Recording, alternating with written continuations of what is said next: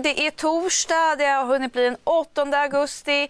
Sommaren eh, ja, springer iväg i full fart. Ni tittar på senaste nytt här med mig Johanna Gräns. Och med mig Alexander Klar och vi börjar som alltid direkt med våra toppnyheter. Det här är våra rubriker just nu. Entrén till Landskrona stadshus eh, sprängd i kraftig explosion i natt. Och tonåringen som misstänks ha dödat Peter Plax planerade först att döda en annan vän. Det här enligt uppgifter till Aftonbladet. Och vilda protester i El Paso och Dayton under president Trumps besök efter massskjutningarna. Men vi ska börja med att igår kväll, sent igår kväll påträffades en skottskadad man vid Upplandsbro centrum. Eh, mannen var skottskadad i benet och fick föras till sjukhus med ambulans. Polisen försöker nu ta reda på vad som ska ha hänt och söker personer som kan ha sett eh, något eller har något att berätta om den här händelsen som nu eh, rubriceras som försök till mord. Mm. Så till Landskrona där polisen eh, sent igår fick in flera samtal från personer som hört en kraftig eh, smäll. Polisen kunde senare konstatera att någonting hade exploderat vid stadshuset på Drottninggatan. Uh, någonting har exploderat utanför stadshuset på Drottninggatan med krossade rutor som följd.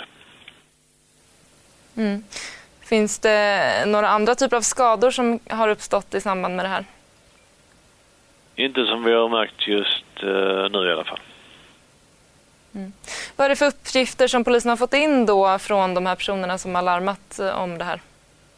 Uh, det är uppringningar som berättar om en smäll i centrala Landskrona. De uppger olika adresser, det är inte så konstigt.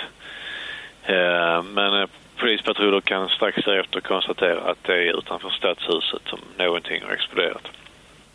Mm. Kan man säga någonting om vad det är som har orsakat den här explosionen då? Nej, det går inte att göra just nu. Mm. Hur pågår ert arbete där på platsen just nu? Det är eh, avspärrat på platsen och eh, det kommer att göras en teknisk undersökning där. Samtidigt så påbörjas ju förhör med vittnen både via telefon och sådana vi anträffar på platsen. Sen får vi ta mm. de uppgifterna som kommer fram och arbeta vidare med dem. Mm. Har det varit mycket människor i rörelse där i området vid det här inträffade eller vad är det för typ av vittnen som ni har där? De flesta via telefon såklart. Eh, kanske inte jättemycket folk i rörelse om man jämför med låt säga en månad sen när, när eh, flera folk hade semester. Det kanske lite sent på kvällen också men, men det kan ju ha funnits någon ute som har har sett någonting som kan vara av intresse för oss. Mm, så till en av våra stora nyheter. Eh, det handlar ju om eh, tonåringen Peter Plack som mördades i fredags i förra veckan. Och Eh, det är ju än så länge ganska oklara omständigheter kring vad som ska ha skett. Klart är dock att en jämnårig kamrat valde att själv lämna, eh, larma eh, polisen och berättade då att han begått ett eh, allvarligt grovt brott mot en annan person. Mm, och när på polisen kom till eh, platsen så ligger då Peter Plax livlös på marken intill en yxa. Och nu så kliver ett vittne fram och berättar om sina iakttagelser eh, inför det fruktansvärda som senare skulle inträffa. De två nära vännerna cyklade omkring och skrattade tillsammans. De verkade ha ganska roligt, säger ett vittne. Timmar senare mördades 16-åriga Peter. Vännen från cykelturen är misstänkt och har erkänt. Jag träffade Peter samma dag som det hände. Jag hejade på dem när de cyklade förbi. Många har sett dem tillsammans den dagen, berättar en vän. Larmet vid mordet ringdes in av den vän som sett cykla omkring med Peter tidigare på dagen. Peter fördes svårt skadad till sjukhus, men hans liv gick inte att rädda. Den biträdande rektorn på Peters skola minns honom som en mycket fin kille. En kanonkille skulle jag säga. Jag är otroligt förvånad över att han drabbades. Min bild är att den andra pojken också är av samma sort, också en fin kille.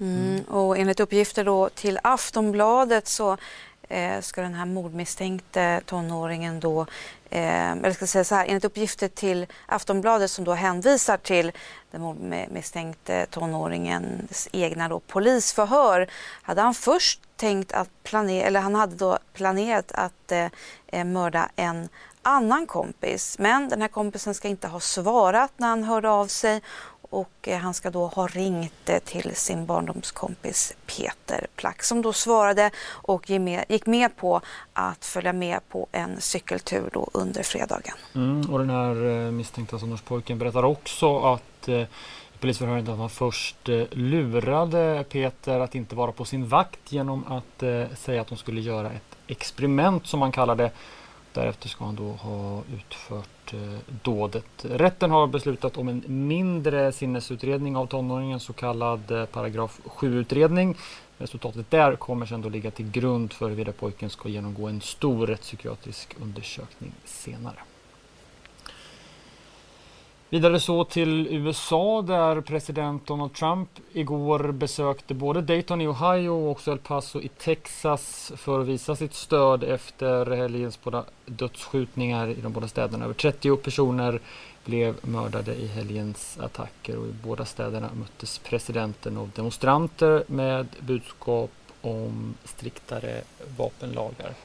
Men så är det. Eh, och eh, Trumps Trumps besök i El Paso eh, där har, eh, det besöket har ju eh, fått eh, stor kritik från olika håll då de anser då själv att Trump ska ha bidragit då till de här attackerna med sin hetska retorik, heter det. Och protesterna de tog vid då när presidenten besökte de här två städerna som då utsattes för de dödliga massskjutningarna Dayton och El Paso skakades i helgen av blodiga massskjutningar i USA. På onsdagen reste Donald Trump till två amerikanska städer i sorg och hans besök var kontroversiella. Det här kommer istället eh, handla rätt mycket om det motstånd mot eh, presidentens eh, besök som finns både i El Paso i Texas men också i Dayton, Ohio. Flera demonstranter hade ställt sig längs gatorna i Ohio där Trumps kortege körde fram.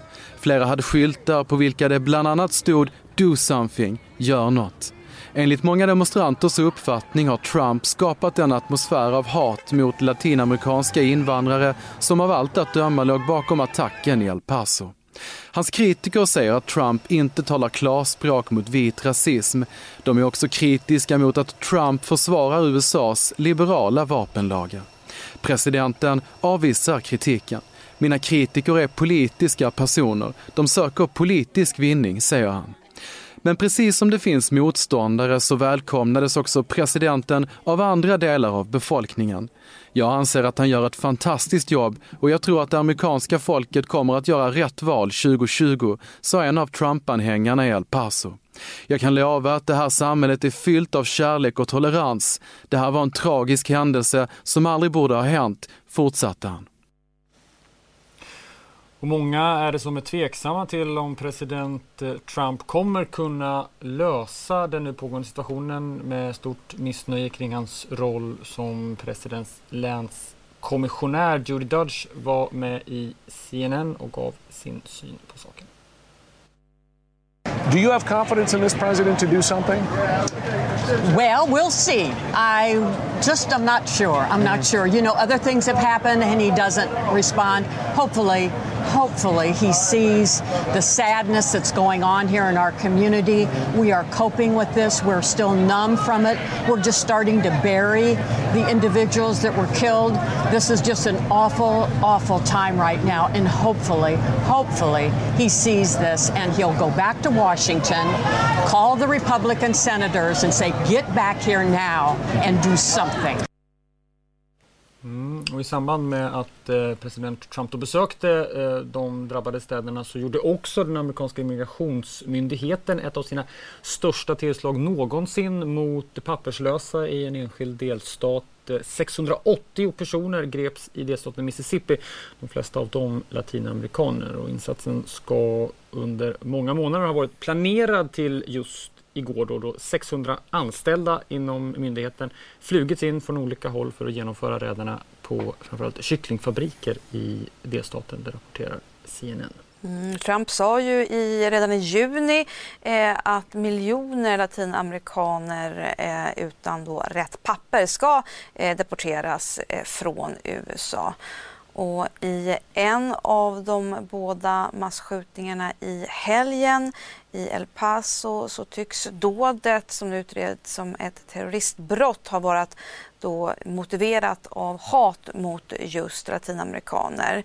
Eh, det är klart att det är besvärliga bilder just en sån här dag, säger anonyma källor inom Trump-administrationen eh, till New York Times apropå de räderna då som genomfördes samma dag som presidenten då besökte både Dayton och El Paso. Mm.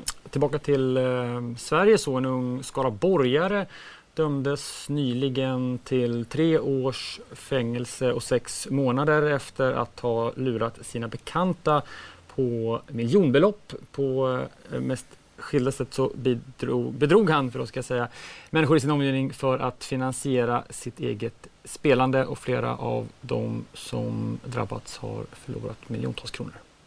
Den unge skaraborgaren spelade bort miljon efter miljon. Pengarna lurade han till sig av människor som litade på honom. Skaraborgaren bedrog människor på det mest skilda sättet för att finansiera sitt spelande. De största summorna lurade han till sig av bekanta som han lärt känna på olika sätt. Han hjälpte dem med datorer och fick på så sätt tillgång till deras bankkonton. Förutom att tömma bankkontona så tog han också lån i brottsoffrens namn. En av hans klienter har förlorat miljonbelopp. Offrets företag har även gått i konkurs till följd av bedrägerierna. Bedragaren dömdes redan 2015 till ett kortare fängelsestraff för diverse bedrägerier. Men efter detta blev spelandet och bedrägerierna värre. När anmälningarna började strömma in 2017 till 2018 flydde bedragaren landet. 22 maj 2018 reste han till Filippinerna och häktades i sin frånvaro. I februari greps han där och utlämnades till Sverige i juni. Och nu har alltså dom fallit i Skaraborgs tingsrätt. Bedragaren döms till tre år och sex månaders fängelse. Han fälls för 95 olika brott. Bedrägerier, många gånger grova sådana, med olovlig identitetsanvändning. Bedragarens mamma döms till fängelse i sex månader för grovt penningtvätt. Mm, mer om det här kan ni såklart eh, läsa på Expressen.se. Vill ni ha mer nyheter så ska ni självfallet eh, då också gå in på vår trevliga sajt Expressen.se.